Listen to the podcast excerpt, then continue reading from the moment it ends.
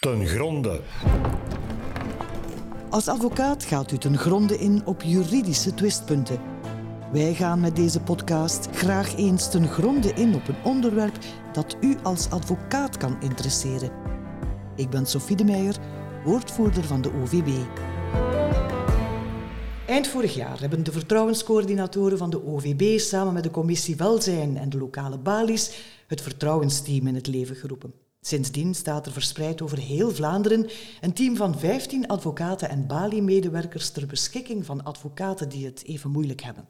Hun dienstverlening is volledig gratis.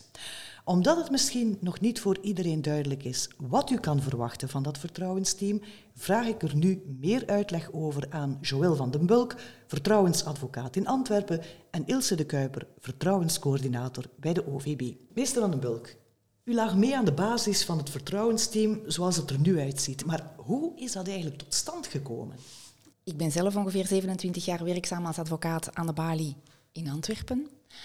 Ik heb onze beroepsgroep zien evolueren van een voornamelijk mannelijke beroepsgroep. Daar waar vandaag de dag het evenwicht toch in het voordeel van de vrouwen is verbroken, en zeker bij de stagiairs, er meer vrouwelijke dan mannelijke advocaten actief zijn. Tijdens mijn eigen stage was ik actief als stagiairsverantwoordelijke. En sindsdien ben ik vrij actief betrokken gebleven bij de activiteiten van de Orde van Advocaten. En het was tijdens een van de zittingen van de Raad van de Orde ongeveer twee jaar geleden dat onze stafhouder toen, de heer Marco Schoeps, aan de leden van de raad meedeelde dat er in Brussel, de Nederlandstalige Bali Brussel, twee vertrouwensadvocaten waren aangesteld. En hij had erover gesproken met zijn collega, de stafhouder van de Bali Brussel toen, de heer Peter Kallens. En dat was eigenlijk naar aanleiding van de MeToo-beweging die tot stand was gekomen, waarbij de twee stafhouders zegden, ja, maar dat kan toch niet, dat dat aan de Bali ook niet bestaat. Dus een vertrouwensadvocaat is toch noodzakelijk. En vanuit die optiek hebben we dat in Antwerpen opgepikt en gezegd, ja, wij moeten dat in Antwerpen uiteraard ook hebben. En dus zo is eigenlijk het team van vertrouwensadvocaten ontstaan. We hebben een protocol uitgewerkt, dus alles waar de vertrouwensadvocaat aan, moet beantwoorden.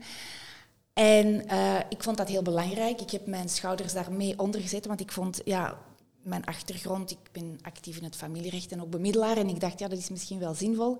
En een andere collega, uh, meester Erik Boon, die actief is in het strafrecht, uh, zei, ja, ik wil ook wel mee uh, aan die kaart trekken. En op die manier zijn we eigenlijk samen als vertrouwensadvocaat aangeduid en hebben het protocol binnen de raad uitgewerkt. En um, in dat protocol is ook opgenomen geweest dat we een opleiding moesten kunnen krijgen en verder ons kunnen bekwamen. En het is in het kader van de zoektocht naar die opleiding, dat ik eigenlijk in contact kwam met, met Ilse, met Ilse de Kuiper. Ilse de Kuiper, waarom heeft de OVB zich dan achter dit initiatief geschaard? Ja, wij hadden net een cel welzijn en preventie opgericht. En met wij bedoel ik Elke Stijlaerts en ikzelf.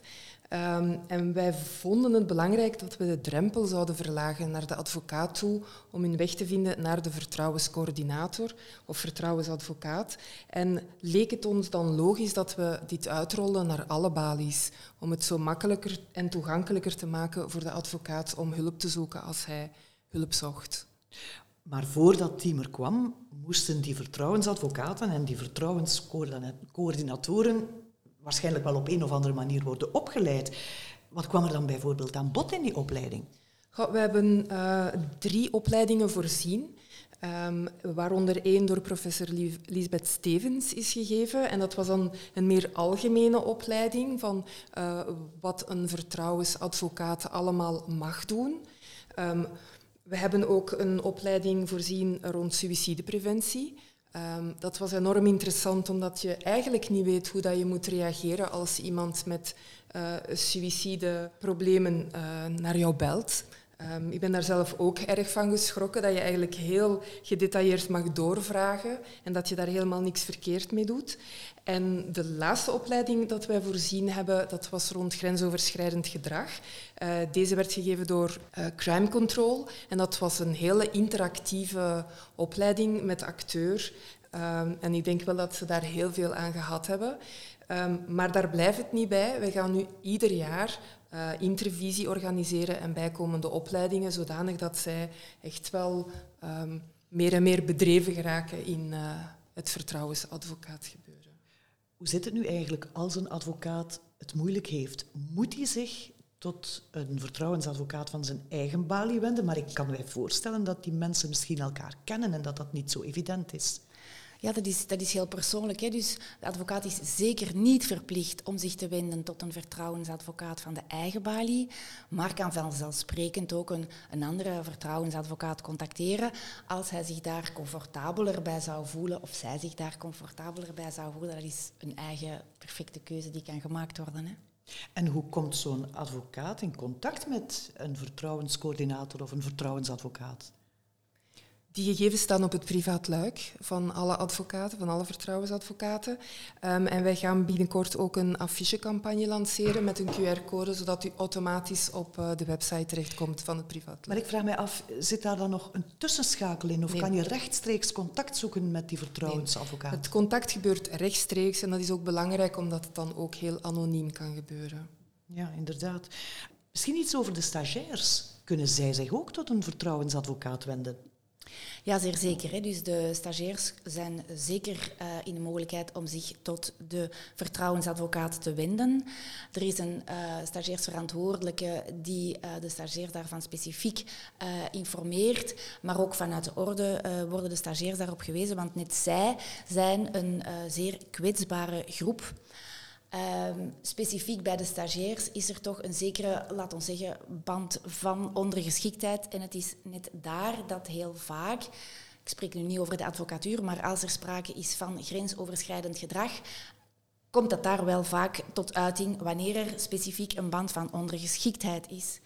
Um, dus de stagiairs kunnen zich zeker tot ons wenden. En als ik mij niet vergis, is er ook een onthaalbrochure verspreid onder de stagiairs waarin er specifiek aandacht is besteed aan dit onderwerp. Laat mij dan misschien eens advocaat van de duivel spelen. Waarom zou een advocaat die het moeilijk heeft zich wenden tot een andere advocaat en, niet bijvoorbeeld tot een huisarts of, of, een psycholoog? Wat is de meerwaarde van die vertrouwensadvocaat?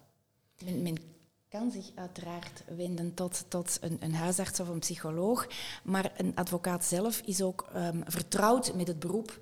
Um, advocaten zelf weten dat, er, uh, dat men te maken uh, krijgt met heel veel stress, een hele hoge werkdruk, waar op zich niets mis mee is, maar men moet wel werkvreugde en, en welzijn die balans kunnen bewaken. En vandaar dat een advocaat misschien net iets meer zicht heeft op de aard van de beroepsactiviteit. En zo'n vertrouwensadvocaat, wat doet hij dan precies als een advocaat hem of haar in vertrouwen neemt? Hoe gaat hij te werk? Wel, uh, over de, de inhoudelijke uh, dossiers kan eigenlijk uh, geen informatie worden verschaft. Hè. Wij zijn gebonden door een absolute discretieplicht. die moeten we ook respecteren.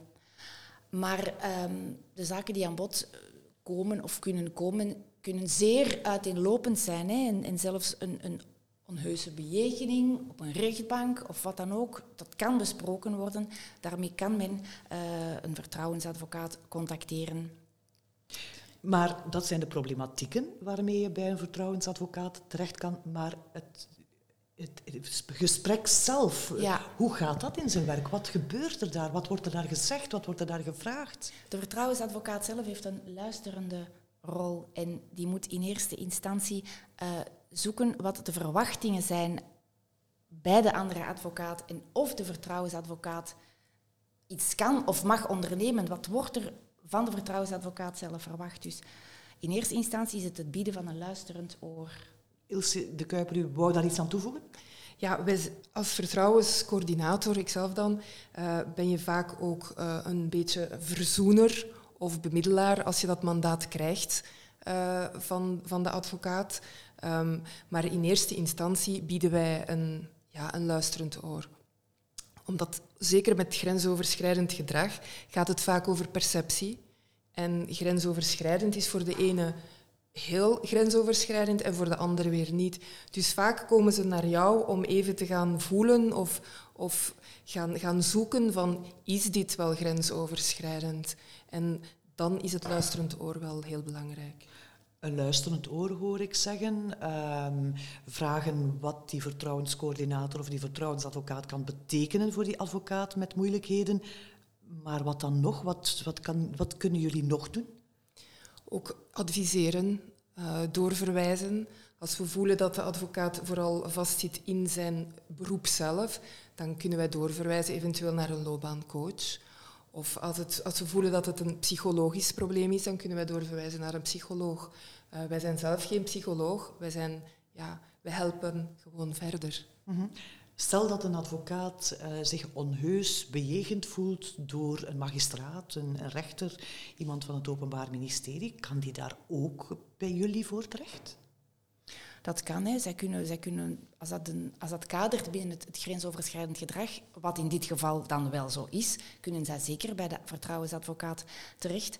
Maar misschien wat, wat ook wel belangrijk is, um, dat wanneer een, een bepaalde partij of, of een advocaat uh, zelf juridische stappen wil ondernemen, bijvoorbeeld in geval van al dan niet seksueel grensoverschrijdend gedrag, en hij zegt, ja goed, ik wil hier werkelijk uh, een procedure voor voeren of wat dan ook, dan houdt eigenlijk de rol van de vertrouwensadvocaat op. Dan moet de advocaat zelf daar andere initiatieven voor nemen. Dus de vertrouwensadvocaat kan dan uiteraard niet verder, want hij heeft een, neutrale positie.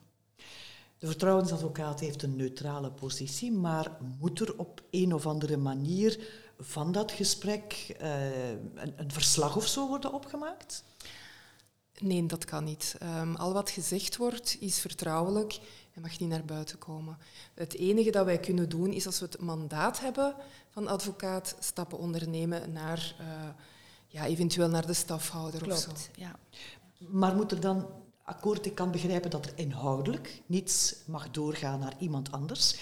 Maar moet er dan niet in het algemeen, in uh, algemene termen, een verslag worden uitgebracht? Ja, dat gebeurt wel. Hè. Dus um, van, van elke problematiek uh, waarmee de vertrouwensadvocaat uh, geconfronteerd wordt, maakt hij, maar dan op absoluut anonieme wijze, melding bij zijn stafhouder. En elk jaar moet ook de vertrouwensadvocaat opnieuw een vertrouwelijk verslag opmaken, waarin enkel het aantal en de aard van de meldingen wordt vermeld en ook het, de tussenkomst van de vertrouwensadvocaat en, en gebeurlijk ook de afloop. En de enige bedoeling daarvan is dat de stafhouder zich een beeld kan vormen van de, de problematieken die zich aan zijn balie voordoen en op die manier kan bepalen op welke wijze hij zijn beleid daarop moet afstemmen.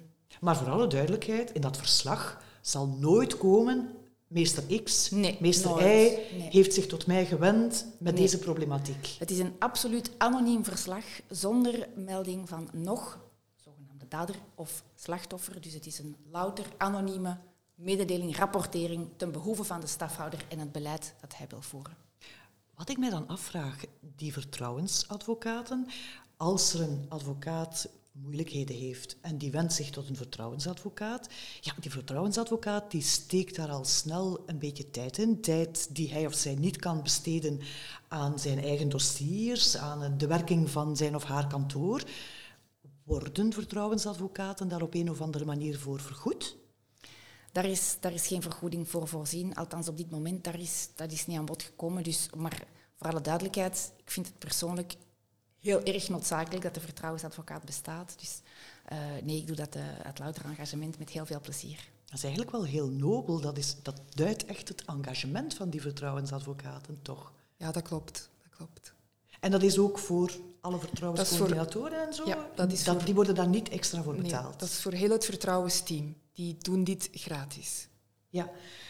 Um, u heeft het al een beetje aangegeven, meester Van den Bulk, in het begin van het gesprek. Maar ik wil het nog eens horen. Waarom heeft u zich hiervoor zo sterk geëngageerd? Ja, dat is eigenlijk heel, heel spontaan gegroeid. Ik vond um, op het ogenblik dat de, de stafhouder ons uh, daarover sprak, um, vond ik het, het absoluut noodzakelijk dat er ook aan de balie een vertrouwensadvocaat of vertrouwensadvocaten uh, zouden bestaan. En zelf heb ik niet echt uh, persoonlijk negatieve ervaringen in die zin ondervonden.